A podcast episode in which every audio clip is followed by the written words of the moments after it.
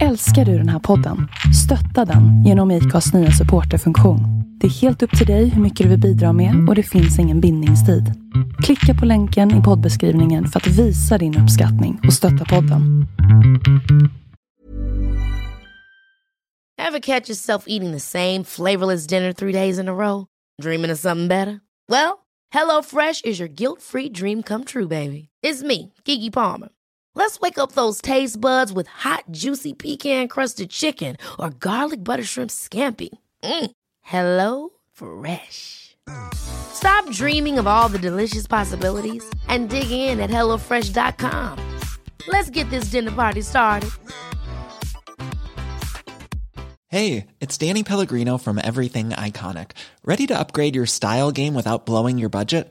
Check out Quince. They've got all the good stuff shirts and polos, activewear, and fine leather goods, all at 50 to 80% less than other high end brands. And the best part? They're all about safe, ethical, and responsible manufacturing. Get that luxury vibe without the luxury price tag. Hit up quince.com slash upgrade for free shipping and 365 day returns on your next order. That's quince.com slash upgrade.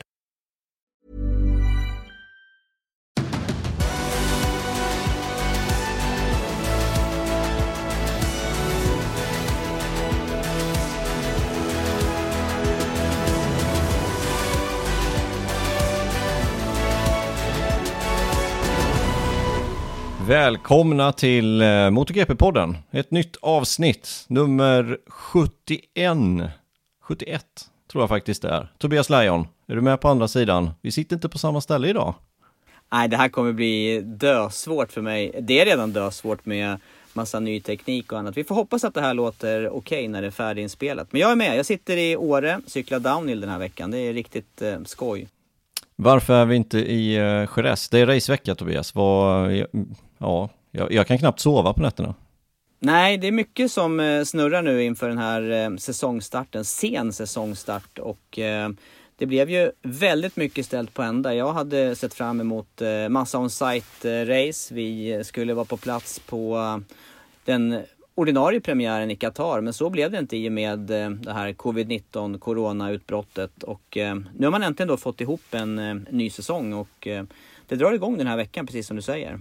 Ja, det ska bli eh, spännande. Men eh, som sagt, om det nu är så att ljudet inte är perfekt den här podden så får ni faktiskt leva med det, kära lyssnare. Som sagt, eh, vi spelar in med ganska enkel teknik den här gången så att det blir som det blir. Vi hoppas på det bästa helt enkelt.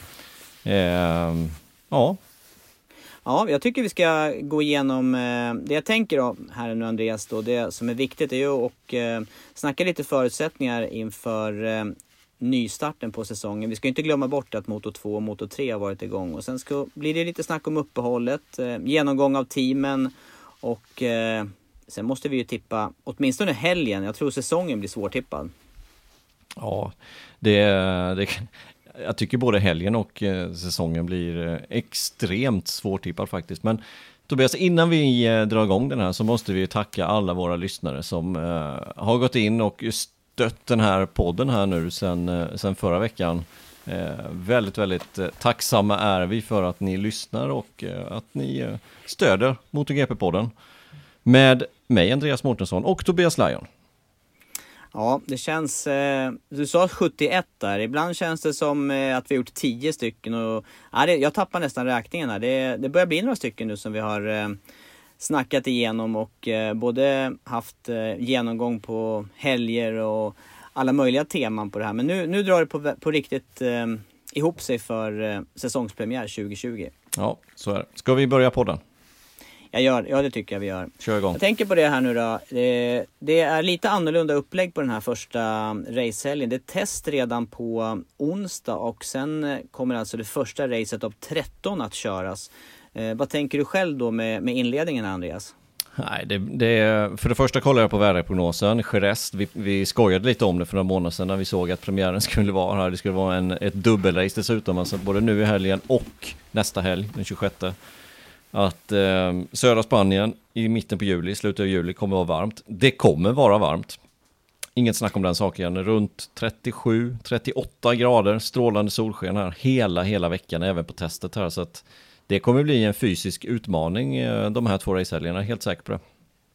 definitivt så. Inte minst då med tanke på att de eh, flesta förare har eh, fått nöja sig med lite standard, standardcyklar som testverksamhet och cross och minimotorcyklar och allt vad det är. Det, det är ju helt andra förutsättningar eller helt andra påfrestningar mot GP-cyklarna.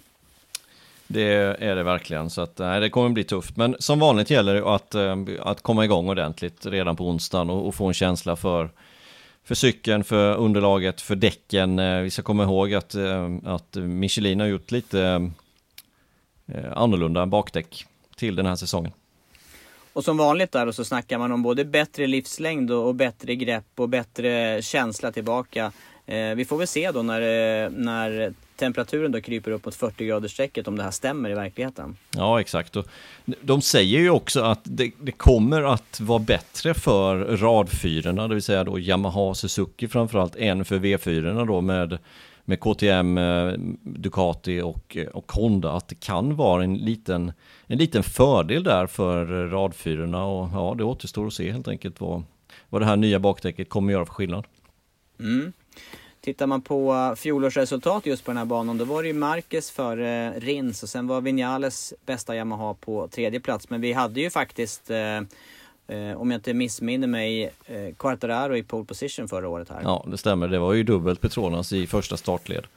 Så att eh, Quartararo, detta är ju en bana som han verkligen tycker om. Pole position förra året på den här banan och låg ju tvåa där när han fick sitt eh, växellänkage-haveri. Var det inte så? Var det inte en sån här simpel grej bara? Det var väldigt simpelt eh, problem. Han fick ju lov att bryta där så att det blev eh, det blev ju väldigt, väldigt eh, tungt för honom. Jag tycker det var strångt av honom att, komma vidare så bra som han gjorde sen under säsongen. Men ett rejält bakslag efter kvalet i alla fall. Ja, det var han, han var ju helt förstörd där och, och grät i boxen efter att han fick bryta det här racet. Då visste han inte att han skulle stå i pole position. Ja, hur många gånger blev det nu? Blev det sex gånger totalt, alltså fem gånger till. Det visste han inte just då i första Europaracet, men eh, nej, han fick bryta det. Om inte jag minns fel så var det den här kulan, den här Uniball tror jag det heter, till växellänkaget. Det var den som havererade. Ja, ja små, små simpla problem. Och de kan bli ännu mer kostsamma en säsong som den här nu när man har eh, kortat av eh, kalendern och kanske stannar ju racen på 13 stycken. Vi får se då vad man eh, vad man gör efter de här dubbla Valencia-racen i slutet på året. Ja, det, det, fick vi reda på här i slutet av förra veckan att Austin, Texas inställt. Det vill säga att nu är det ju bara tre race egentligen som hänger i luften. Det är då Argentina på Termas de Rio Hondo och sen är det Malaysia på Sepang och sen är det då Chang International Circuit i Thailand. Det är de tre som, som eh, hänger lite i luften och tittar man på världsläget just nu så känns ju Sydamerika inte bra att åka till. Dessutom inte om man inte åker till USA.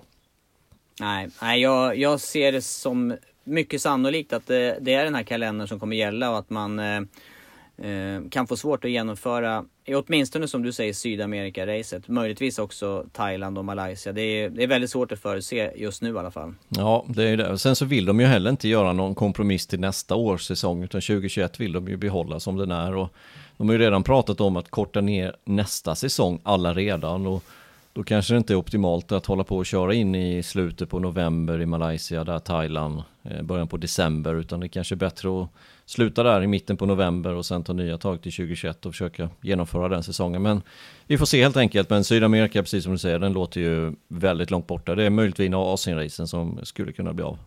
Mm. Ja, det är eh, lite grann om den här första racehelgen då inför eh, säsongstart på Jerez. Eh, jag tänker också hur mycket kommer, eh, hur mycket kan vi förlita oss på det vi såg förarna göra eh, Eh, just inför Qatar-racet. Det var ju test där och då var det ju faktiskt också Yamaha i eh, topp. Det var ju Vinales och det var Morbidelli före eh, Rins i topp 3. Men samtidigt väldigt jämnt startfält med hela 18 förare inom en sekund. Hur mycket kan man eh, eh, hänga kvar vid de testtiderna och eh, förutsättningarna därifrån? Just placeringsmässigt så känns det som att eh, man kan inte riktigt hänga upp sig på det. Men däremot andra, du säger att det var 18 inom en sekund. Det kommer ju vara extremt tätt, det är jag helt säker på, även nu inledningsvis. För det är, var tätt förra säsongen och ingenting eh, tyder på att det inte skulle vara tätt även den här säsongen. Så jämna race tror jag på, jämna kvaltider framförallt. Ja, och då blir det ännu viktigare med eh, just positionerna där då. Jag tror att det kan bli en eh, nyckel. Vi har ju sett då de förare som startar i första och andra startled hur mycket lättare de har i inledningen på racen åtminstone.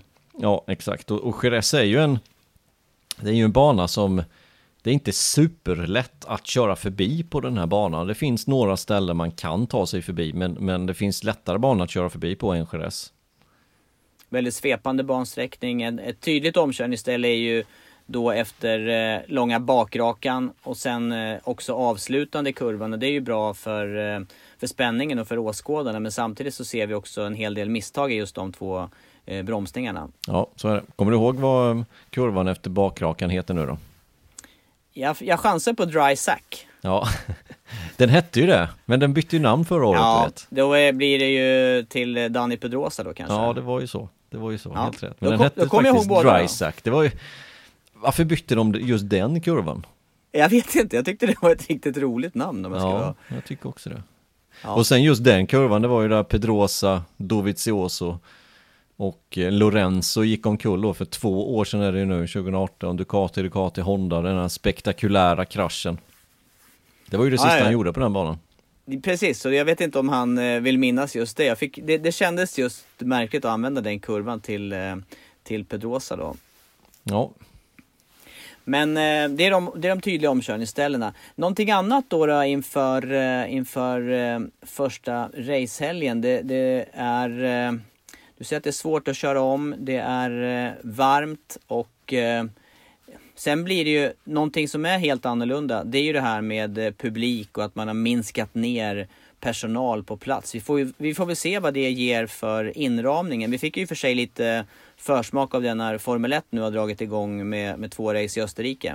jag tycker att det var lite, det var annorlunda första helgen, men sen andra helgen så tycker jag att det var hyfsat normalt. Och vi måste ju prata lite det här om Indycar-racet som gick igår, jag vet inte om du har sett det, men det blev alltså svensk seger där med Felix Rosenqvist och de tillät publik där på Road America. Och det kändes på något sätt lite roligt på något sätt att, att de tillät publik, att det var lite mer normalt än vad det var på F1 då som hade gått några timmar tidigare bara på Red Bull Ring, men jag vet inte om det spelar så stor roll. Jag, jag tror kanske att det kan göra det inledningsvis på helgen, det kan kännas lite avslaget, men sen blir det det nya normala på något sätt för förarna. Ja, jag tror också det. Det är som du säger, det kanske är förarna så märker av lite skillnad i tryck. För vad man än, eh, det är i alla fall min erfarenhet från racingen att eh, visst, visst ser man och ibland också hör publiken trots, eh, trots motorljudet. Ja, men det var ju som vi pratade om förra veckan i förra veckans podd, att det blir ju på något sätt det här publiktrycket som är när man kommer till banan, den här spänningen som är i luften med folk som redan då eldar upp sina motorsågsmotorer och allt vad det är för någonting. Det, det är ju en speciell stämning. Ja, det är det. Och det är klart att det påverkar förarna också. Kanske Ja, i vissa både positiv riktning och andra kanske i negativ riktning. Men med just hemmastöd, det tror jag alla förare känner av under sina race på, Ja. på hemmamark. Ja, det tror jag också. Men du, det här med, eh, med eh, eh, säsongsstart nu då. Tänk att vi skulle kunna komma vidare med eh, det som har hänt här. Det blev ju ett klart längre vinteruppehåll får man ju säga då. Och eh, vi spekulerar massor här under våren om det skulle bli en säsong överhuvudtaget. Eh, nu står den och knackar för dörren och eh, under tiden så har det ju långt ifrån varit stiltje. Det har ju varit massor av förberedelser som har skett eh, bakom kulisserna och mer och mer offentligt här inför första racehelgen. Jag tänker på förarna nu framförallt, vad de har hållit på med. Ja, eh, så är det ju. De har ju, eh, den ena har slagit sig, nu tänker jag på Dovizioso, det gick vi igenom förra veckan. Jag har inte hört så mycket mer faktiskt hur det är med Dovizioso, om man har repat sig. Det har varit ganska tyst där och säkert kört en massa rehab för att vara okej för den här veckan. Men eh, det har ju hänt en massa på eh, just kontraktsidan. Ja, och senast idag så har det skrällt till på flera håll här. Saker som det har ryktats om länge, men, men ganska stora övergångar och det största där som eh, sätter igång en kedjereaktion, det är ju Paul Esparger då som är klar för eh, Repsol Honda. Ja, det är det. Paul Esparger alltså redan han hade någonting i sitt kontrakt där som inte gjorde att det kunde offentliggöras förrän i september, men på något sätt så har de löst det. Så Paul Sparger är alltså klar för Repsol Honda, petar ur Alex Marquez ifrån eh, från den styrningen, precis som vi pratade om förra veckan, att så blir nog fallet. Alex Marquez istället då klar för LCR och det är också klart att eh, Cal Crutchlow lämnar Honda och eh, ja, Honda och LCR-teamet. Eh, han har fått däremot vad jag eh, hörde att erbjudande från World Superbike i Honda där att kunna flytta över dit istället men att han inte var direkt intresserad av det för tillfället i alla fall.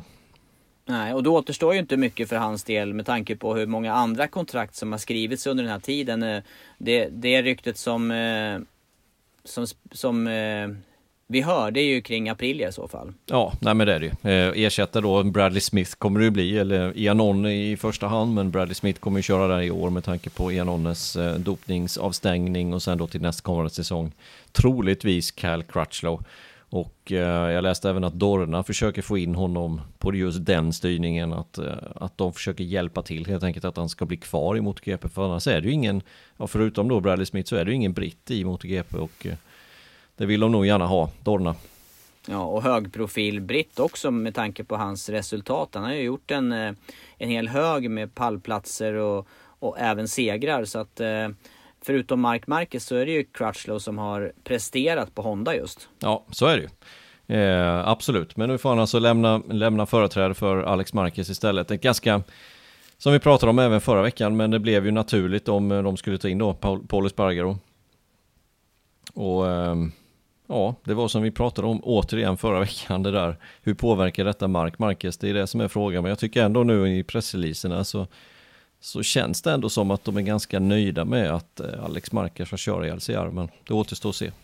Ja, det kan ju också vara så någonting vi, vi inte har känt till att, eh, att man har haft det här redan med i, eh, i Alex Marquez värvning till Repsol Honda. Den gick ju väldigt snabbt med tanke på Lorenzos avhopp där förra året. Inte alls omöjligt. Det har vi pratat om också, att det är inte alls omöjligt att det var så.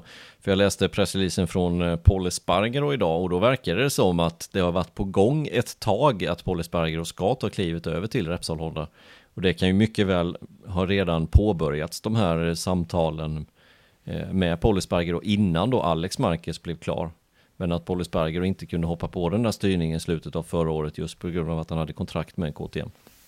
Ja ja, det är väldigt intressant värvning i alla fall och det ska bli kul att se vad eh, det är ju 2021 då, men vad Paul Espargaro kan prestera på Hondan där. Eh, I alla fall en förartyp som mycket väl skulle kunna passa tillsammans med, eh, med den motorn eller med den motorcykeln. Vad vi ser utifrån. Ja, jag tror att det kommer bli största konkurrenten i samma team som Mark Marquez har haft faktiskt. Och då tänker jag ju då på Pedrosa, Lorenzo och nu då Alex Marquez. Så tror jag han kommer få kämpa betydligt hårdare än vad han någonsin har fått göra nästa år faktiskt. Kan ju också vara så positivt för eh, utvecklingen av Honda i stort att, eh, att få en förare som eh, kan matcha Mark Marquez, vad vi hoppas på då. Ja, det återstår att se. Ja, enkelt. det gör det. Du, någonting annat då från silly season? Är det något annat som eh, väntar eller som har klargjorts eh, senaste dagarna? Nej, men det som är, det som är klart egentligen eh, som blev klart idag, det var ju Franco Morbidelli då som förlänger med, eh, med Petronas. Det var ingen speciell eh, stor överraskning. Två år till får Franco Morbidelli och Morbidelli visade bra fart under slutet av förra året när han väl... Det, det kändes på något sätt att han började förra säsongen som första förare med en bättre hoj men blev ifrånåkt av Quartararo och att han på något sätt tappade psyket där lite grann.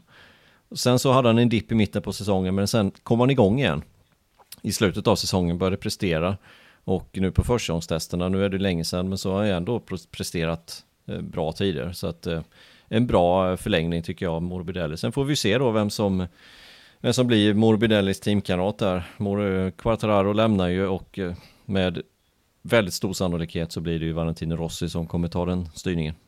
Mm, det blir ju jätteintressant att se Eh, om och när det i så fall eh, presenteras. Eh, en stor förändring i så fall för det teamet kan man ju lugnt säga. Och ja. mycket, mycket strålkastarljus också på Petronas om det blir så att Rossi går över dit. Ja, en, en, det blir ju en jätterolig värvning för hela teamet att få in, få in Rossi där och ja, det senaste jag hörde var att det, det är på gång är det, men att det tar tid med just en förare som, som Rossi. Det är ingen vanlig förare som de uttryckte det, utan en, en speciell förare. Mm. Eh, ett stort namn till då som eh, vi väntar på ska signera kontrakt, det är ju Andrea Dovizioso som du just nämnde kring, kring skada då. Men hur långt borta är det egentligen? Eller eh, är det så som man också kunna läsa sig till att, att Dovi då kanske överväger att stå över en säsong? Skulle det vara möjligt? Om det inte löser sig här? Ja, vem vet. Men vad ska han gå till då istället då? Det är det som Nej, är grejen. Jag, jag, tror bara att detta handlar om förhandlingssak egentligen. Och, ja, jag, jag, vet inte riktigt annat vad det, vad det kan vara egentligen. Men det känns ändå som att eh, Ducati har hela tiden andra lösningar än Dovizioso. Och, och eh, de vill inte riktigt betala den lönen som Dovi vill ha. Nej, det känns... Eh, det, det har varit många hakar och många eh, stora förändringar inom eh, Ducati där de senaste åren. Och jag, hoppas, jag hoppas för Doviziosos del att det löser sig att eh, han kör vidare ett par säsonger. Det är vad jag tänker i alla fall. För han har ändå varit tvåa bakom Marcus här nu i, eh, är det tre år i rad? Ja, tre år i rad är det. Ehm, så är det. Men äh, nej, jag vet inte riktigt vad det är. Sista haken, det verkar vara Ja, lönen delvis, men kanske även uppskattning. Vi vet att, eh, att Ducati var ute efter både Vinales, Quartararo, eh, Rins och Mir. var de ute efter. Och, och, det är ändå fyra förare som de gick, be, de gick miste om dem helt enkelt. Trålar ganska brett efter eh, nya namn de andra ord. Ja det känns ju så och ja Petrucci har ju redan lämnat Jack Miller på något sätt uppåt där och eh, Ja jag vet inte vad, vad Ducatis fokus är riktigt om det är Dovizioso för nu nu är det ju Lorenzo där som, som knackar på dörren också som det verkar och förhandlar lite grann med Ducati så att Jag vet inte hur uppskattad Dovi känner sig heller Nej, nej det, är inte, det är inte bästa sättet att bygga upp eh, en förare på. I alla fall inte i det här läget. Utan eh, kanske mera raka puckar och, och försöka få något eh, bläck på det där kontraktet tänker jag. Ja, det är ju det. Eh, men sen är ju frågan, har han vad som krävs här nu då för att utmana om, eh, om titeln? För det är ju det enda som, som räknas på något sätt för Dovi. Eh, han har varit, som du sa, tvåa, tre år i rad. Det finns inget mer än att bli två en gång till, utan nu är det ju att, att vinna. Och jag vet inte riktigt om, om de har den chansen ärligt talat. Det, det, de hade chansen för något år sedan när Yamaha inte var speciellt bra. Och, och Marquez hade sina små problemen. ja, nu med Yamahas eh, ja, nya föruppställning. Jag tror att Yamaha blir tuffa för Ducati i år faktiskt. Ja, det ser ut som att eh, det, är, det är en bred uppställning med, med vassa förare dessutom som kan eh, plocka poäng och utmana på bred front för de andra fabrikaten. Och sen har ju, eh, jag tror ju också det här med att eh, Ducati inte har lyssnat så mycket på Doviziosos input. Eller man har inte, försökt, man har inte fått till de bitarna som han har önskat. Eh, det gör, jag tycker vi ser det i vissa race att det är svårt att hänga med med Ducatin fullt ut. Ja, det är, det är lite, det funkar på de banorna det funkar och det funkar dåligt på de banorna det inte funkar överhuvudtaget. Mm. Så får vi se då i hans eh, axel, eh, i vilket skick den är här inför säsongspremiären också. Ja, men det är som du... sagt, han har kontrakt i, eh, i år såklart. Men eh, ja. till nästa år får vi se. Jepp. Du, ska vi ta och köra igång då med, eh, med stora, stora punkten för den här podden. En eh, titt på teamen i hela startfältet. Kör igång. Ska vi börja bakifrån? Ja, jag tänker det. Och eh, då har vi ju funderat ut en eh, rangordning är väl synd att säga, men åtminstone förutsättningar för teamen då och eh, ta de teamen med lite sämre förutsättningar eller med eh, sämre resultat i bagaget och då blir det ju i så fall att inleda med Avincia-teamet. Vad tänker du där Andreas?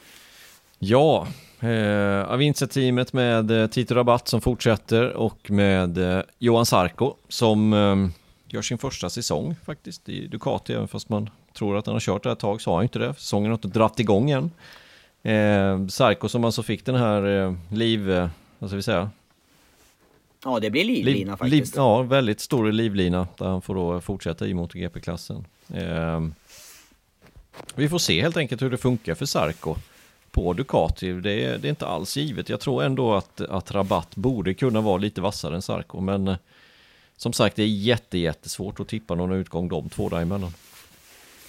Ja, det är det faktiskt. Eh, Sarko då, som byter eh, fabrikat och som eh, ja, ska på något vis matchas in i det här teamet. Eh, jag håller ändå Sarko som eh, lite starkare där. Rabatt har ju haft svårt att prestera, i alla fall med det material som han haft tillgång till. Så att eh, jag tänker att Sarko kan vara en starkare föraren av de två trots allt. Ja, vi får se hur övergången fungerar där för Sarko. Som sagt, Rabatt vet vi på något sätt vad vi har honom och han har inte rosat marknaden senaste säsongerna tycker jag. Hade den här skadan på Silverstone för några år sedan också dessutom. Så att eh, svajig lite i resultaten. Tills i år så kör de ju eh, GP19, alltså fjolårsmaterial. Ja. Ja, nej, jag har inte så mycket mer att säga just om Avincia-teamet här tänker jag. Nej. Jag tycker vi hoppar vidare istället till eh, Aprilia som, eh, som är ett fabriksteam. De har nyutvecklad hoj till den här säsongen då. Och åtminstone en stark förare som vi vet eh, alltid gör sitt yttersta och det är Aleix Spargaro. Ja, eller Spargaro som har förnyat sitt kontrakt dessutom med Aprilia som då kör jämte Bradley Smith den här säsongen. Eh, Andrea Nonne skulle ju kört där, har kontrakt med Aprilia men är alltså doping avstängd. Vi får väl se var det landar någonstans. 18 månader är ju överklagat till fyra år. Vi får väl se var, vad det landar någonstans. I augusti någonstans har jag hört att det ska komma något slutgiltigt eh, besked om just den frågan. Men Bradley Smith tillsammans med Alicia Spargero, Espargaro som är en, en duktig förare, inget snack om den saken. Och eh, kan man då också, vi säger att titta lite i förlängningen, kan man lägga vantarna på Cal Crutchlow så kan det bli ett starkt par när det gäller att eh, utveckla den där hojen vidare. Då kan ju Aprilian, vi vet ju vad de har gjort på Aragon tidigare och med lite mer effekt och lite mer fart i motorn så kan ju det till exempel bli en spännande dubbelhelg där senare under säsongen. Ja, det kan det. Och, eh, och precis som du sa där inledningsvis, de har en ny hoj som, eh, som var betydligt mycket bättre än vad fjolårshojen var. Det såg vi på testet, framförallt i Malaysia, att de var betydligt närmre än vad de var förra året på racet. Och Alicia Sparger var ju helt överlycklig över den nya hojen. Så att de måste bara få ordning på den också och få den att hålla. Det var lite si och så med det under försäsongen. Det kan vara den stora akilleshälen. Och sen får vi se då också en sån här eh, inledningshelg på Jerez hur den eh, cykeln då och eh, föraruppställningen hur man eh, är och bevarar däck till exempel i, i värmen. Ja, men ska vi, ska vi säga kanske att Aprilia är det som Alicia Sparger och vinner den kampen kanske mest i hela fältet mot Bradley Smith? Ja, det kan vara den största skillnaden tror jag. Och, och det får väl också härleda till att Bradley Smith åkte han åkte inte så mycket förra säsongen eh, racemässigt, åtminstone inte MotoGP då utan eh, Ja, mer oprövat kort här i, i samband med Aprilia. Ja, och du är Moto E för eh, Petronas och, och Stigefelt och det teamet. Men det har han lämnat nu alltså. Ja. Det är Vincia och Aprilia. Vad skulle du sätta som eh, tredje team då om vi tar eh, nerifrån? Ja, då borde det kanske vara Tektra. Mm. Det är KTM alltså och eh, där är det bland annat då Iker Lekona som eh, inledde MotoGP-karriären. Det var ganska hastigt faktiskt. Han körde ju sista racet förra året 2019 då i eh, Valencia. Ja, så blev det. Ung förare från just eh, Valencia. Jag tycker jag gjorde ett bra resultat i, i slutet av förra året och på testet som han fick eh, delta i. Han gjorde inte alls bort sig Eh, men här har vi också Miguel Oliveira som är hans teamkompis och Oliveira som är klar då för fabriksteamet kommer ersätta Paul Spargaro till nästkommande säsong och kommer ju få riktigt bra material. Det kommer även Lekona få för KTM har sagt det att båda teamen ska ha fabrikshojar det senaste. Så att, eh, intressant att följa, framförallt i det här teamet Oliveira känner jag. Ja, det är det. Han var... Jag tycker också att, eller tycker, jag tänker att det här långa uppehållet har gynnat alla förare som har varit eh, skadade, opererade och eh, Oliveira ska vi komma ihåg blev ju påkörd utav eh, Sarko på Silverstone under eh, fjolåret där och, och, var inte i riktigt skick under andra halvan av året men han är ju en, eh, han är en extremt stark förare. Och eh, ja där måste vi hålla honom högst, eller hur? Ja, absolut. Ingen snack om saken. Och, och precis det du sa, skadan på Silverstone, där jag läste en intervju med Herve Poncharal då, som är eh, teamchef i Tektroa-teamet och eh, han sa just det att Oliveira var inte hel på hela säsongen efter den kraschen, hade problem med, med axeln. Så att eh, en, en hel Oliveira är het. Definitivt. Mm. Tektroa-teamet eh, och sen säger du eh, samma material som KTM. Eh, drar vi in KTM här efter Tektra-teamet om vi tar nerifrån i, i vår egen ranking. Jag tror det va? Det får nog bli KTM Factory Racing efter det. Och då är det ändå med erfarne Paul Espargaro i år och sen Brad Binder bredvid. Och det var ju lite oväntat kanske för båda oss att man eh, valde Brad Binder. Vi ska komma ihåg nu att Brad Binder är eh, rookie den här säsongen. Ja, det, det var lite förvånande att de satte Brad Binder där. Vi trodde ju att Oliveira skulle bli promotad upp till fabriksteamet. Nu blev han ju det, men inte förrän nästa år. Men Binder har ju verkligen visat fart där på testerna direkt. Riktigt, riktigt snabb. Och eh, frågan är, han kommer nog inte kunna utmana Paul Esparger och få vara snabbast i teamet. Men en, en förare som man tror mycket på, definitivt. Ja, jag eh, något som var på mig det var ju faktiskt eh, fjolårets Moto 2-säsong för Binder där han eh, och KTM hade stora problem inledningsvis. Och sen hur han under hela året egentligen eh, körde in poäng och det blev ju väldigt, väldigt nära poängmässigt i, eh, i och med säsongsfinalen och resultatet där också. Ja, till slut blev det så i och med att eh, Alex Marquez där nollade i sista racet och Brad Binder var väl, ja han vann väl eller kom på pallen åtminstone.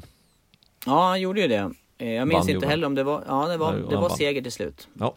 Och så var det några ströpoäng bara som skilde i slutändan utav eh, säsongen. Men han är både stark psykiskt, han kör eh, hårt och eh, ja, det verkar ju som att det passar omgående på MotoGP-cykeln också. Ja, och världsmästare i Moto 3 var väldigt eh, nära, precis som du sa då, världsmästare också i Moto 2. Nu blev han ju inte det, men det var bara några poäng som skilde. Så att riktigt bra förare och vilken uppställning egentligen på förare de har. Jag tittar på, på på alla deras, de har ju sex förare, de som vi har nämnt nu och sen har de även Danny Pedrosa och Mika Kallio då som testförare så att bra föruppställning. Ja, det blir spännande att se och följa KTM under den här säsongen, definitivt. Det var fyra, de fyra teamen eh, längst ner då och eh, vad landar vi på som eh, nummer fem nerifrån? Jag, jag tittar jag på i mina tankar där så tänker jag LCR-teamet. Eh, stämmer det överens med hur du tänker? Ja, det tänker jag på samma sätt med Crutchlow då och Nakagami som kör vidare. Precis samma uppställning som eh, förra säsongen. Crutchlow vet vi nu då, fick reda på idag att han eh, kommer lämna teamet till nästkommande säsong. Nakagami vet vi inte riktigt men det är stor chans att han kommer att eh, fortsätta. Viktigt för Honda och en japan i, i något av teamen åtminstone. Men Crutchlow sitter ju på bättre material och ska vara den starkare utav de två. Vad är det som gör, som du säger, är det kopplingen till Japan där som gör Nakagami hetare? Eller är det ålder eller är det att man tänker att han kan utvecklas mest? Vad, vad, vad finns det för anledning att, att ha kvar honom?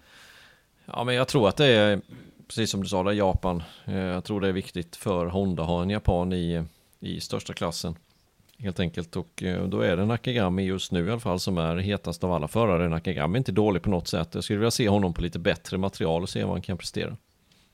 Vi ska ju faktiskt inte glömma bort eh, att han också var skadad under fjolåret. Eh, han var, han var ett... När var han som hetast där? Runt Barcelona, mitten på sommaren någonstans. Och jag minns inte när han slog sig i sin axel. Var det på Assen eller när blev det? Nej, jag vet inte heller riktigt. Eh, han och Men... Rossi hade väl en sammanstötning just på assen. Men jag tror inte att ja, Nakagami slog sig. Nej, jag kanske, nej, jag får... Uh... Eller så var det Nakagami som slog sig. Nej, jag vet faktiskt inte. Men han var halvskadad åtminstone. Ja, det kan ju också ha spelat in på hans resultat. Eh, någonting som inte vi fullt ut vet. Men, men där kan vi förvänta oss en fullt återställd Nakagami när säsongen nu drar igång i alla fall. Ja, det får vi hoppas.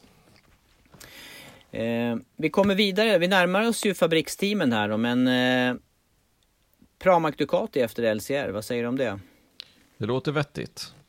Med eh, Jack Miller och eh, Banjaya som då gör sin andra säsong i, eh, i Pramac Ducati. Och eh, behöver steppa upp lite grann. Han toppade ju testerna, något test åtminstone förra säsongen inför säsongen. Men sen så gick det lite knackigt då och var ju helt utkonkurrerad av Jack Miller.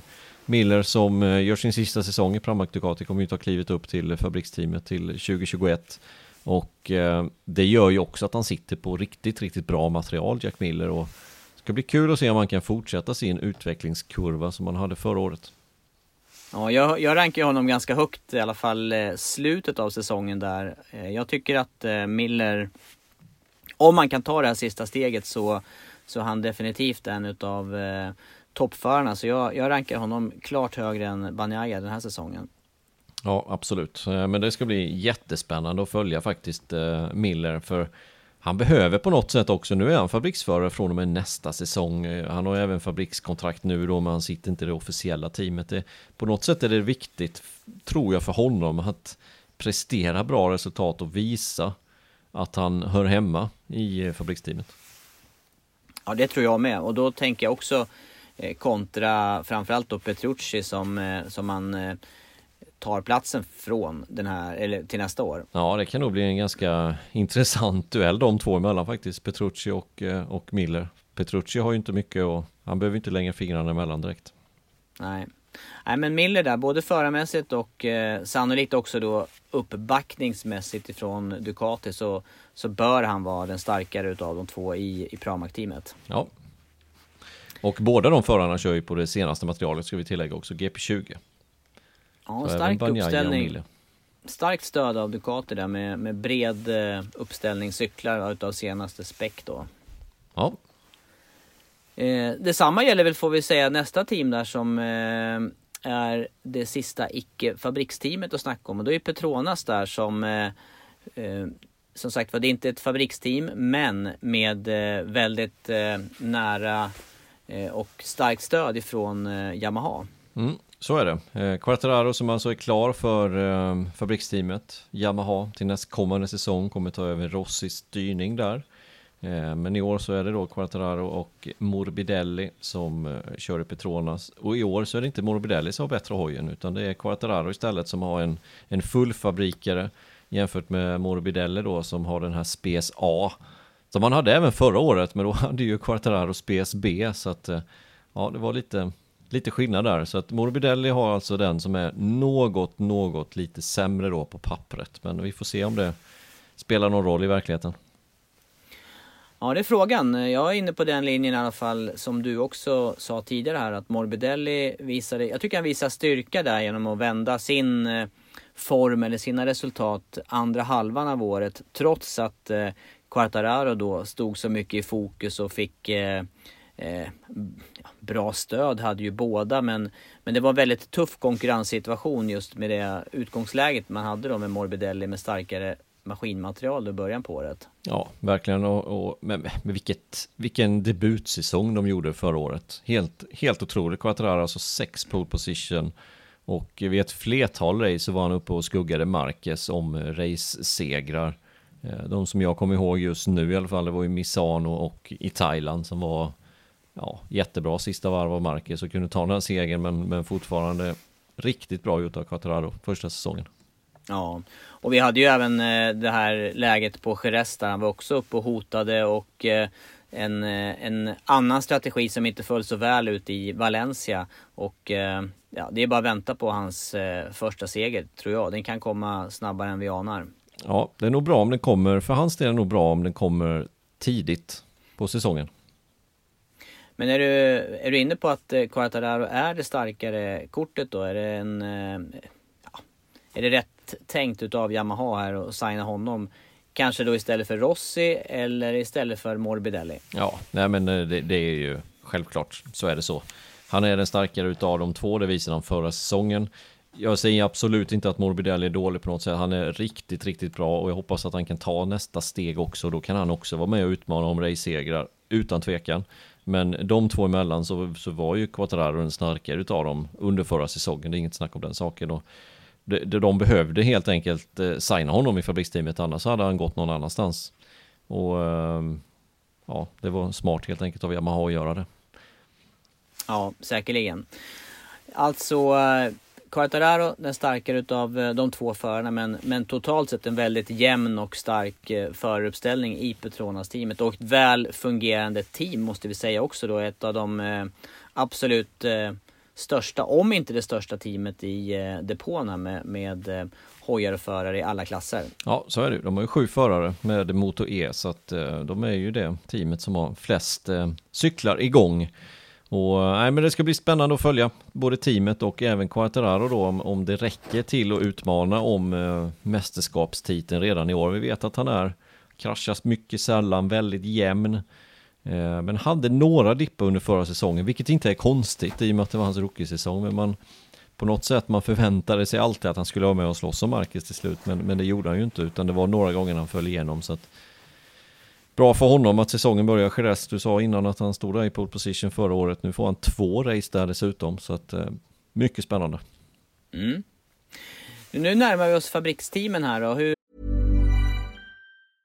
This is Paige, the co-host of Giggly Squad, and I want to tell you about a company that I've been loving, Olive and June. Olive and June gives you everything that you need for a salon quality manicure in one box. And if you break it down, it really comes out to $2 a manicure, which is absolutely insane. It's also so easy to get salon worthy nails at home with Olive and June. The difference between how your nails used to look when you did them yourself and now with the Manny system is a complete game changer. The best thing about Olive and June too is it's a quick dry, dries in about one minute, lasts for five days, and full coverage in up to one to two coats. Visit oliveandjune.com slash perfect manny 20 for 20% off your first system. That's oliveandjune.com slash perfect manny 20 for 20% off your first system.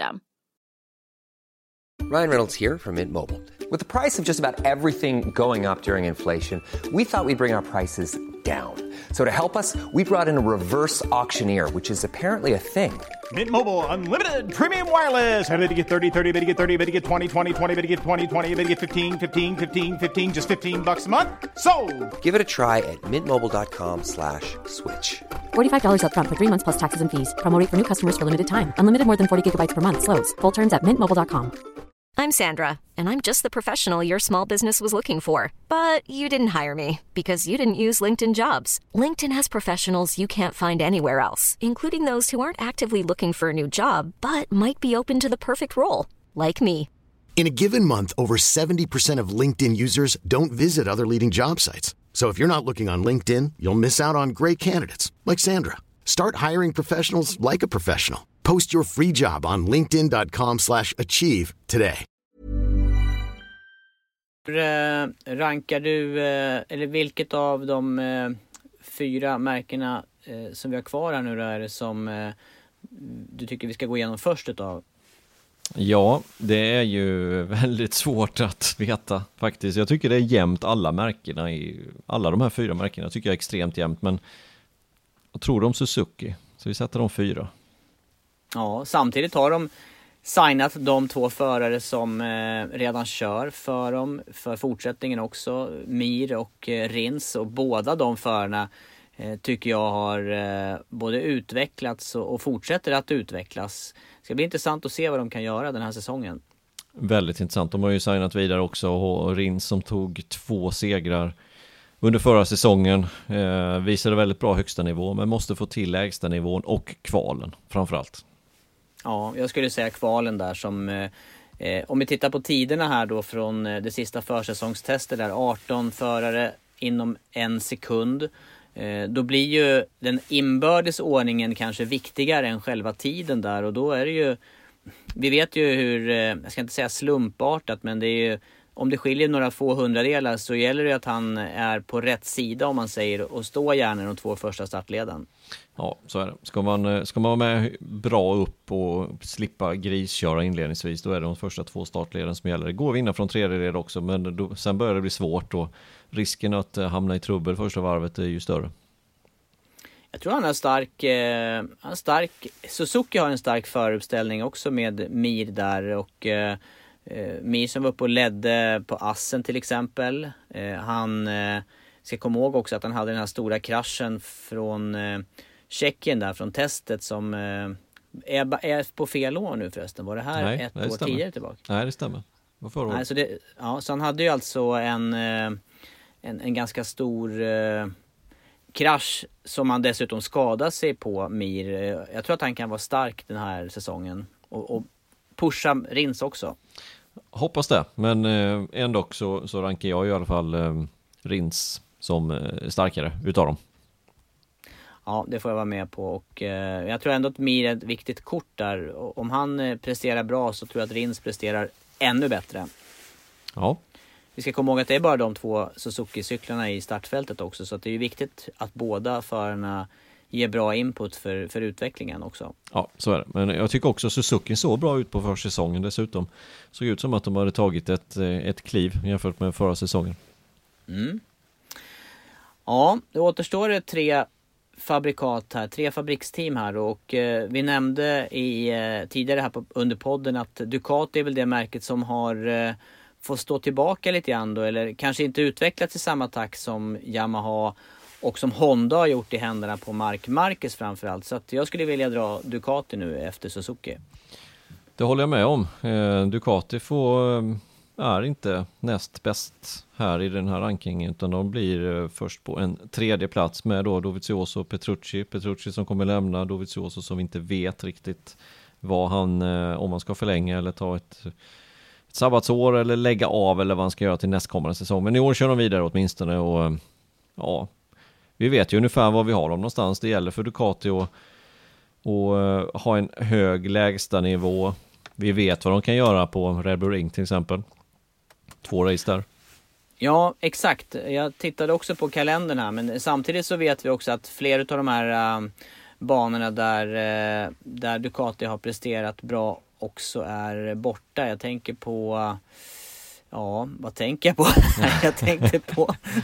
Red Bull Ring var det uppenbara här, men eh, de har inte haft lika lätt. Om vi tänker så att det är dubbelrace i Valencia till exempel. Det är eh, dubbelrace eh, här nu på Jerez. Jag vet inte, det är... Ja, ja, jag ser inte Ducati som eh, så stark under den här säsongen faktiskt. Nej, jag, jag håller med dig. Jag tror heller inte att, eh, jag, jag, tror faktiskt inte att de kommer komma två återigen. Det har då vi, gjort, då vi gjort nu då tre år i rad. Jag tror inte att de kommer kunna upprepa det. Dels på grund av eh, just banorna du nämnde, men några banor som de har väldigt svårt på har ju försvunnit också. Jag tänker på Phillip Island till exempel. Den har de ju extremt svårt för. Den är inte kvar överhuvudtaget. Två på Red Bull Ring. Eh, de har två på Aragon och vi ska komma ihåg att Dovizioso blev tvåa två där förra året.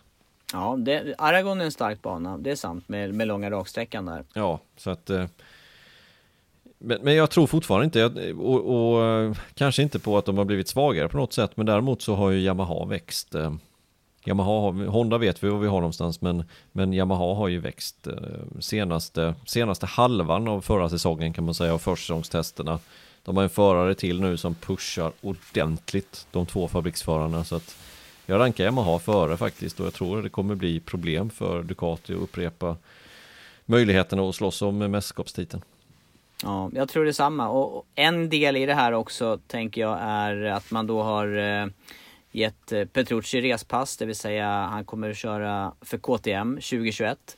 Och sen då att man ännu inte har kommit överens med Dovizioso. Det gör ju att säsongsinledningen här är med två förare som inte är så säkra på, eller Petrucci vet ju vad han ska ta vägen men, men de, de kan ju känna att, man, att de inte har den absolut eh, maximala backningen heller från, eh, från fabriken. Ja, nej, men det, det, blir inte riktigt harmoni i teamet på något sätt. Där eh, förutsättningarna inte är riktigt klara vad som gäller för framtiden. Och vi vet att det är en sport med många pusselbitar. Det ska, det ska funka, känslan ska vara rätt och det ska vara eh, förtroende och eh, ja, nej, jag tror som du här att det kan bli ett tuffare år för Ducati än vad vi har sett på ett tag. Ja, några segrar tror jag dock, eh, framförallt då på Red Bull Ring. Nu var ju Marcus och har varit, eller Marcus har ju varit extremt nära där två år i rad så att får vi se. Men eh, ja, det är, det är väl den där de kan eh, briljera på. Ja, men är det Dovi utav de två som ändå kommer att vara starkast då, tänker du? Ja, jag tänker så. I och med precis som du sa, där Petrucci fått respass redan, men hade de valt att förlänga med Petrucci så vet i katter riktigt om inte hade satt Petrucci före faktiskt. Nu är Dovi skadad. Eh, bara för några vecka sedan. Han kommer säkert vara hyfsat okej okay ändå till, till helgen här. Men Petrucci är absolut ingen dålig förare. Han vann på Mugello återigen. Har man den nivån och kunna vinna på, på just Mugello i, i kamp sista varvet med Dovizioso och Marquez. Då, då har man en hög högsta nivå. Det är inget snack om den saken. Så han måste hitta tillbaka till det bara. Ja, Ja, vi får se här nu då när det drar ihop sig. Eh, två team kvar att gå igenom då. Då är det Yamaha eller Honda och eh, det här blir svårt att välja hur, eh, hur man ska ranka de två inbördes. Ja, det är inte så lätt, för det ena teamet, där har vi en förare som, som vann teammästerskapet eh, ensam egentligen förra året. Pratar vi om Mark Marquez och Honda. Och sen har vi två ganska jämna förare då med Rossi och eh, Vinales i Yamaha. Men eh, min ranking säger Yamaha som nummer två. Ja, det, vi får väl gå till... Du brukar gilla att och bara titta på poäng och mästerskap och tider här och då, då måste det bli så att Marquez, Marquez Honda-team är det, det starkaste utav dem. Eh, så vi, vi får gå igenom Yamaha före, jag håller med dig där. Ja, sista säsongen alltså för Rossi i fabriksteamet och eh, han, han känns ändå väldigt motiverad inför den här säsongen och vi vet att Rossis nivå när det väl stämmer, den är hög. Inget snack om den saken. Han har inte fått till det nu på några år bara. Men när det väl stämmer, då, då går det bra för Rossi. Så att, viktig inledning av säsongen. Ja, det är det. Och sen är det här en kortare säsong. Det ska bli intressant att se. Eh, är det något år som eh, förutsättningarna ser väldigt annorlunda ut så är det ju i år. Och, och Rossi har så mycket egen erfarenhet eh, från sina, ja, är det 25 år eller blir det 25 året? Jag minns inte här nu men eh, från alla år i, i eh, GP-sammanhang. Han kan mycket väl vara en av de som hanterar det här på ett bra sätt med, med kortad eh, kalender. Ja, det är inte alls omöjligt. Sen får han eh, väldigt starkt motstånd i år från Vinales som verkar eh, och har hittat någonting extra. I slutet av förra året, mitten av förra året, han tog ändå, blev det två segrar till slut. Som han tog under eh, förra säsongen. Ja visst, de har ju eh, omväxlande här dragit utvecklingen. Jag tycker också att Vinales har tagit ett steg framåt och ett kliv eh, i rätt riktning. Eh, svårt där med den inbördes rankingen men, eh, men ja, jag är ändå inne på att eh, Vinales är den som har tagit över taktpinnen i eh, fabriksteamet för tillfället. Ja, och där tror jag också i Vinales, där tror jag vi hittar det största hotet mot Mark Marquez faktiskt i mästerskapet. Det tror jag är eh, Maverick Vinales. Eh, vi vet inte riktigt vad han går för i de här sista varvet-duellerna, för det har vi sällan fått se, utan när han vinner, då är det från start till mål nästan, alltid. Det är lite Lorenzo-style. Men eh, har man den nivån, då har man nivån att kunna vinna mästerskapet också. Mm. Han har ju förmåga att kvala bra men däremot eh, haft lite problem inledningsvis i racen och, och framförallt då med starterna just att komma iväg som han ska. Men som du säger, gör han en bra start och kommer iväg då är det definitivt en, en utmanare om en eh, MotoGP-titel i år. Ja, det är det faktiskt. Och, och banorna tror jag funkar för honom också. De banorna som vi ska köra på Jerez eh, är bra för hans del och ja, jag tror att han blir riktigt vass i år, Vinales. Ja. Och eh, Rossi då med på sin erfarenhet eh, också väldigt högt upp eh, i, i, i, min ranking i alla fall. Eh, och möjlig, möjlig för att eh, vara med och stöka om i toppen, absolut. Ja, absolut. Och, och jag drog lite parallellen här, jag tänkte lite för mig själv just med Indycar och, och, Scott Dixon som har varit med hur många år som helst och vunnit en sex titlar, det var han har gjort för något, fem titlar kanske i Indycar. Han har vunnit de tre inledande racen, nu, nu vann Felix då det fjärde, men tre raka vann han och, och mycket på snabbhet självklart, men också på rutin. Jag vet inte om det kan spela in här i, i Rossis del. Ja, jag är inne på det just att den här säsongen har varit så annorlunda och att hela världen har eh, haft en, en väldigt annorlunda period här. Och ja, skulle mycket väl kunna vara så att det också har gett lite extra motivation för hans del med, den här, eh, med det här avbrottet som faktiskt eh, som det har varit nu med, mm. med den ordinarie verksamheten. Ja, Ja, vi får se, jag tror vi kanske inte på tre raka segrar för oss, inte så, men betydligt bättre än förra året. Förra året som var hans eh, sämsta Yamaha-säsong, eller sämsta säsong under hela karriären om man tar bort Ducati-åren. Så att det var ingen lyckad säsong för oss i förra året. Nej. Nej, vi får se här nu då när, när det närmar sig. Det återstår ett team att gå igenom helt enkelt och det är eh, världsmästarteamet med eh, både förarmästerskap, teammästerskap och visst blev det även märkesmästerskap förra året? Det blev ju det till slut. Eh, Repsol Honda med Mark Marquez, Lorenzo förra året. Nu är det alltså Alex Marquez, de två bröderna. Vi har eh, analyserat det mycket fram och tillbaka, men eh, jag tycker ändå på något sätt att de får rankas som nummer ett och Marquez som nummer ett och den förare att slå helt enkelt. Mm, och då är det Mark Marquez. Vi lär ju få problem med det här. Har du tänkt på det när vi sätter igång nu? Vad ska vi vad ska vi benämna dem? Min förhoppning är att de, att de håller sig några platser ifrån varandra ändå. Ja, men tänk vad kul det hade varit ändå om Alex Marquez presterar på en hög nivå redan från början. Och kan vara med och slåss om... eh, Ja, jag tippade ju inför säsongen att han skulle vara med och vara före Crutchlow till och med, så att eh, jag får stå kvar vid det.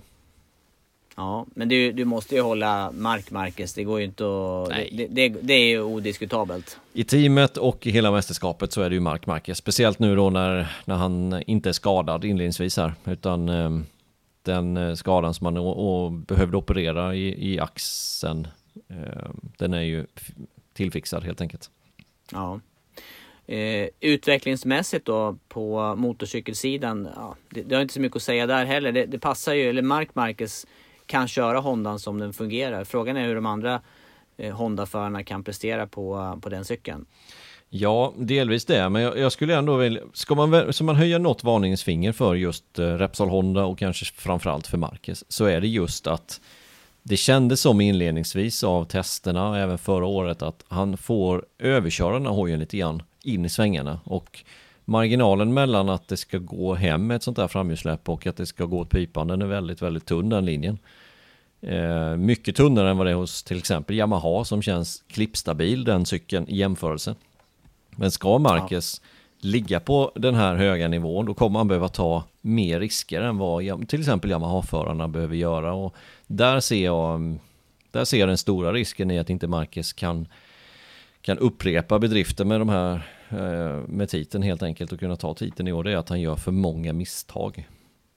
Ja, han blev ju klart mer pressad och pushad utav Fabio Quartararo i många fall, men eh, av, av Yamaha som du säger generellt under fjolåret. Ja, och, och det verkar inte som att de var riktigt hemma med cykeln inledningsvis på testerna i år heller.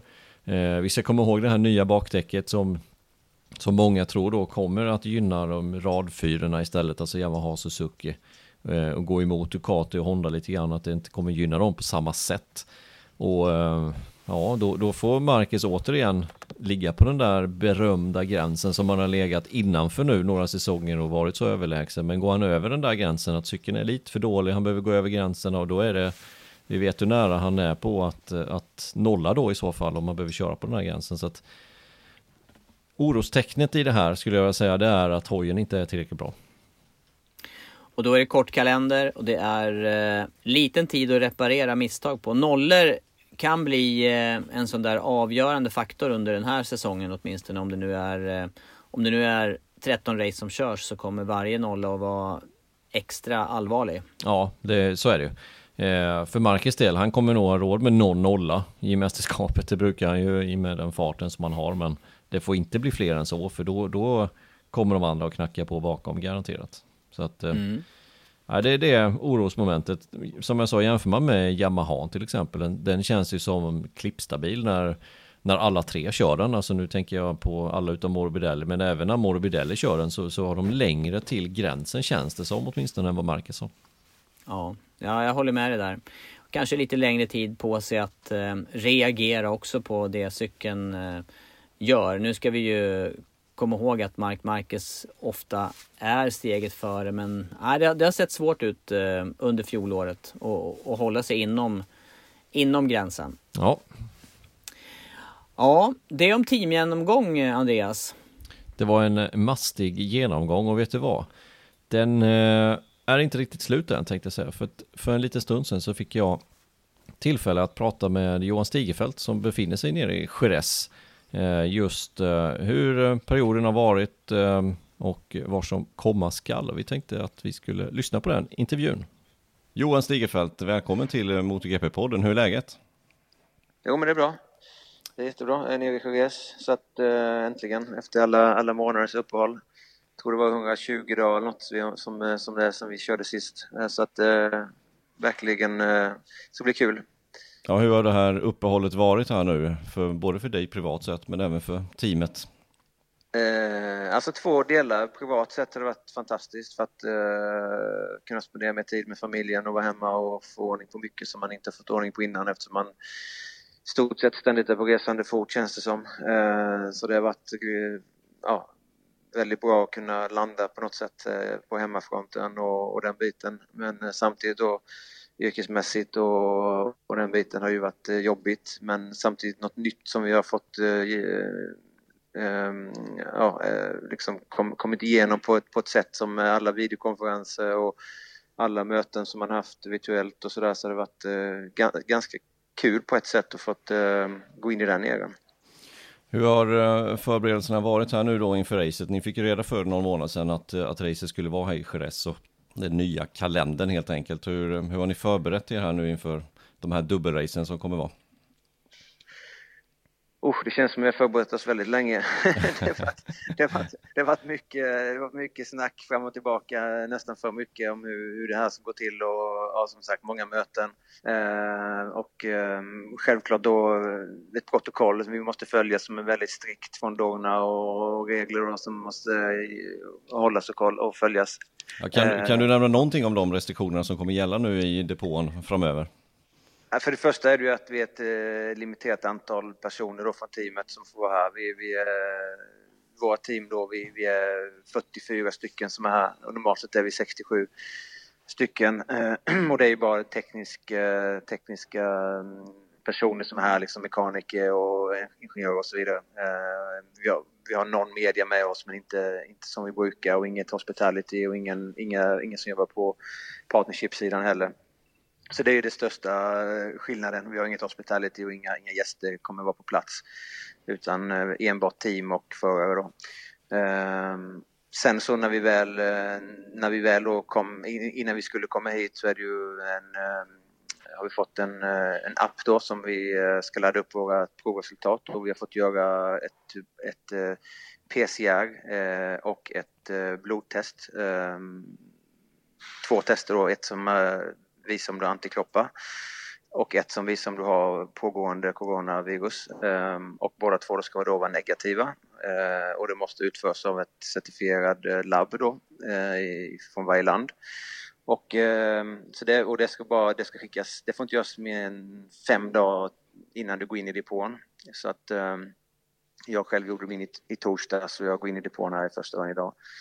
Så att eh, då får du en QR-kod som, som ger dig eh, access till depån eh, tillsammans med ditt permanenta pass så får du gå in då. Så att det är ju väldigt strikt och svårt och krångligt kan jag säga. Ja, jag förstår det. Och munskydd kommer väl antagligen, det har vi sett nu på Formel 1 till exempel, om de två helgerna som har körts, det är obligatoriskt med munskydd i, i depån, antar jag. Oh ja, munskydd och ska vara på hela tiden vi ska försöka hålla då distans på två meter men det är ju väldigt svårt med mekaniker som jobbar, det är ju omöjligt. Så att där har, vi, har de ju um, undantag då men det är ju munskydd som gäller eller visir så att, uh, och visir i. Så att, uh, ja, och sen är det mycket andra då eh, uh, sådana här contingency plan då om, om, om, om någonting skulle inträffa, om någon får corona, hur, hur går tillväga. Så att, det är bättre att inte gå in på det för det är 61 sidor långt. Strikt protokoll det också. Strikt protokoll. Ja, jag förstår. Ja. Eh, om vi går in lite på säsongen här nu, Quattararo, Morbidelli, dina förare. Morbidelli som eh, blev, eh, eller som förlängde kontraktet igår i alla fall, blev det officiellt igår. Vad kan du säga om, om förlängningen med Morbidelli?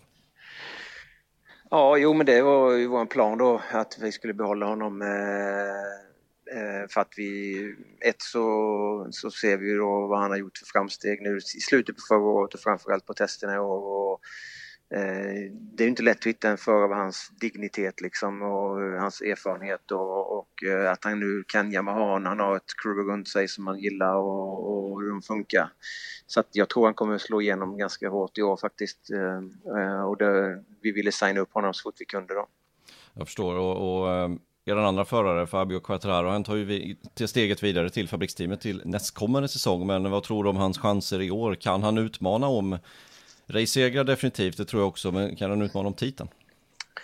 Alltså det beror på. Ja, första målet är ju att få en race-seger. Det är ju det som är vårt nästa ja, box att ticka av om man säger. Men, men, eh, och det är ju inte lätt eh, det liksom. Men det är vad vi sikta på. Sen, sen får vi se hur det spelas ut här med Marquez och Honda, hur de är. De hade ju lite strul i försäsongerna eh, och vi såg ganska starka ut. Eh, sen vet vi ju att Yamaha fortfarande inte har kanske farten. På vissa banor kommer det bli tufft kanske.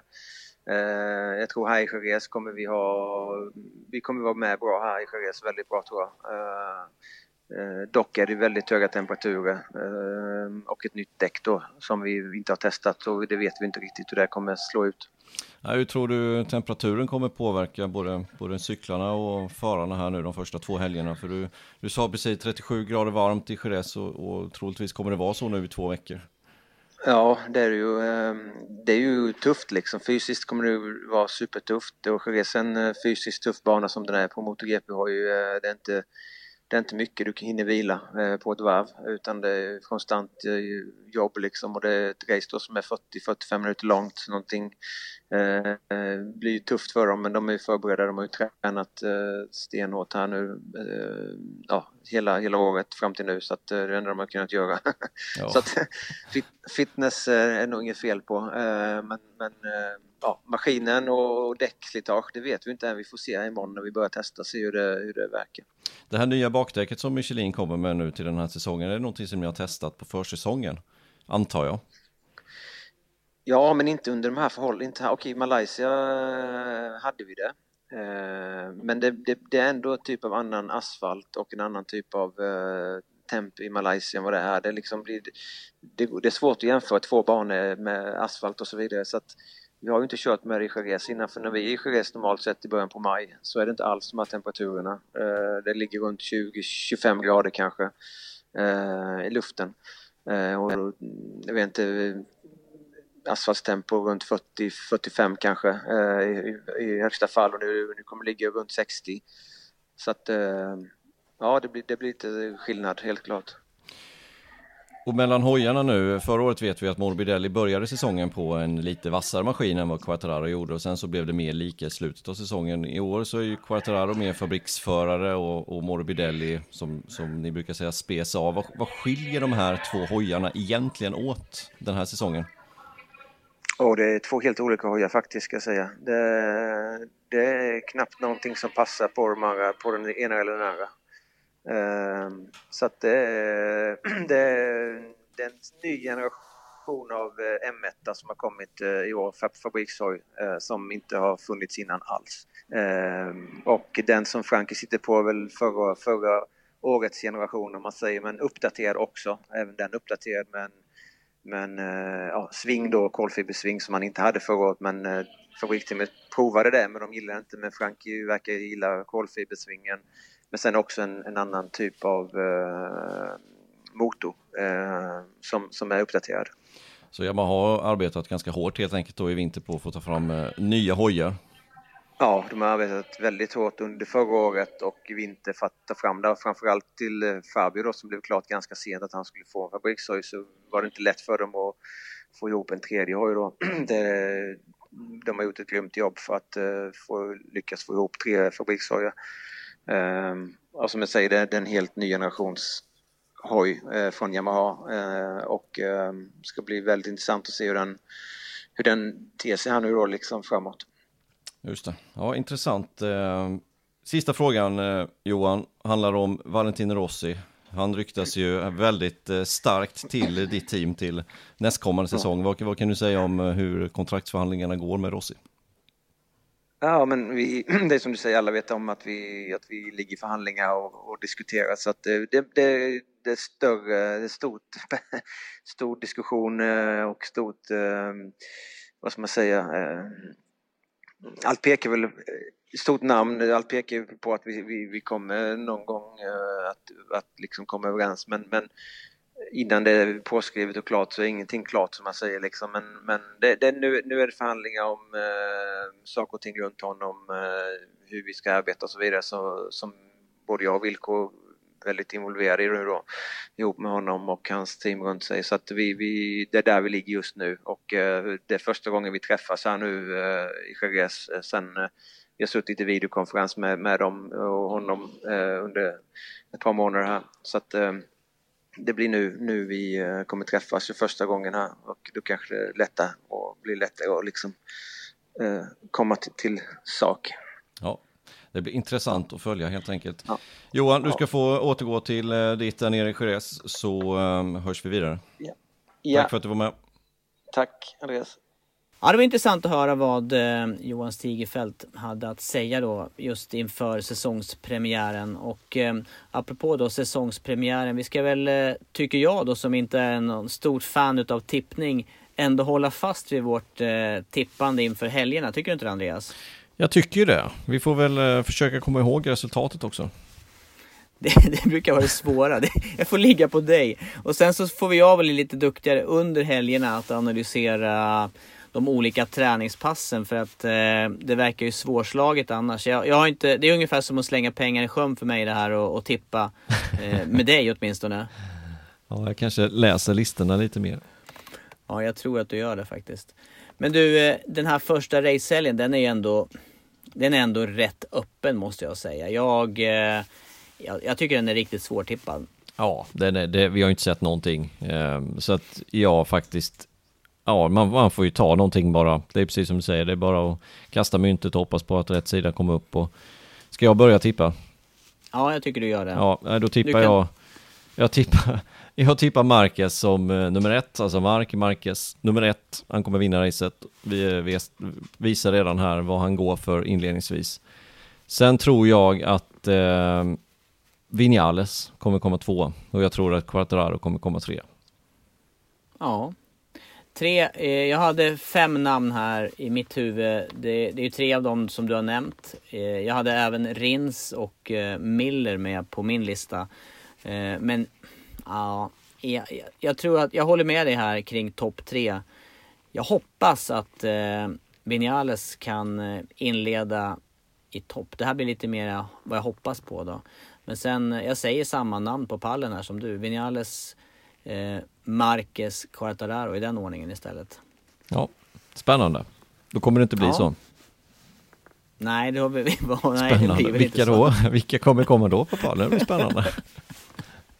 Nej men den här banan, eh, ganska kort bana, små tidsskillnader som det är och tittar man då på testet som vi sa här då med eh, jättesmå differenser. Jag tror till och med att det var topp 12 inom eh, Ja, det var under en halv sekund inom topp 12.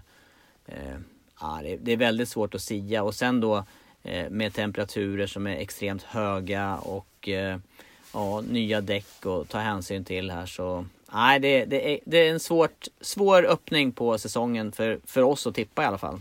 Det är det verkligen. Det ska bli väldigt, väldigt spännande och väldigt kul att det äntligen drar igång nu. Ja, det ska det bli. Jag var lite orolig ett tag att det inte skulle bli någon säsong överhuvudtaget faktiskt. Ja, nej, jag var ju samma sak där. Jag trodde heller inte på att det skulle bli någonting, men nu ser det ändå ut som att eh, det kommer att börja. Vi får hoppas att eh, det fungerar att genomföra de racen som är sakta. Mm. Ja, jag hoppas på att hålla mig hel en dag till här uppe i Åre. Det är, eh, ja, jag hoppar på ganska bra här i backarna får jag säga. Om jag, om jag om jag, om jag säger det själv så har det funkat bra. Så jag hoppas att vi gör det en dag till här, att vi kan eh, sitta hela och rena och kommentera från eh, Stockholm då när det drar igång på fredag morgon. Så är det. Fredag morgon 09.45 så är det dags för FP1. Äntligen! Eh, och sen är det ju race-start på söndag och eh, då drar vi faktiskt igång 13.25. Det är lite ändringar i schemat där så att vi drar igång fem minuter tidigare än vad vi brukar göra. Och nya namn på kanalen också, ska vi komma ihåg. Ja, V-sport kommer vi sända på idag, eller i helgen rättare sagt. V-sport 1 eh, tror jag den heter faktiskt. Ja. Och det är ju, anledningen till det är ju att i V-sport motor så går det ju Formel 1 också från Ungern, Budapest.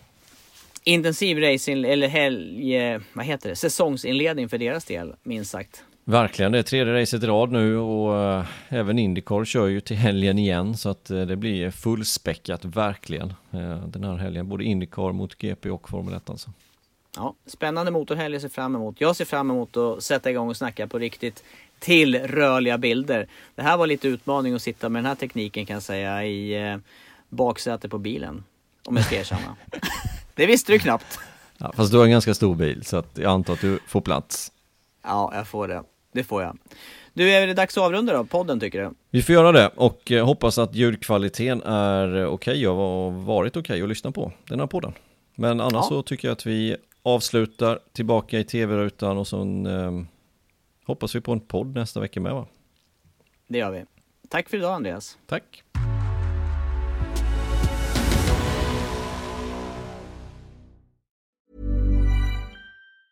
Planning for your next trip? Elevate your travel style with Quince. Quince has all the jet setting essentials you'll want for your next getaway, like European linen, premium luggage options, buttery soft Italian leather bags, and so much more. And it's all priced at 50 to 80% less than similar brands. Plus, Quince only works with factories that use safe and ethical manufacturing practices. Pack your bags with high-quality essentials you'll be wearing for vacations to come with Quince. Go to quince.com slash trip for free shipping and 365-day returns.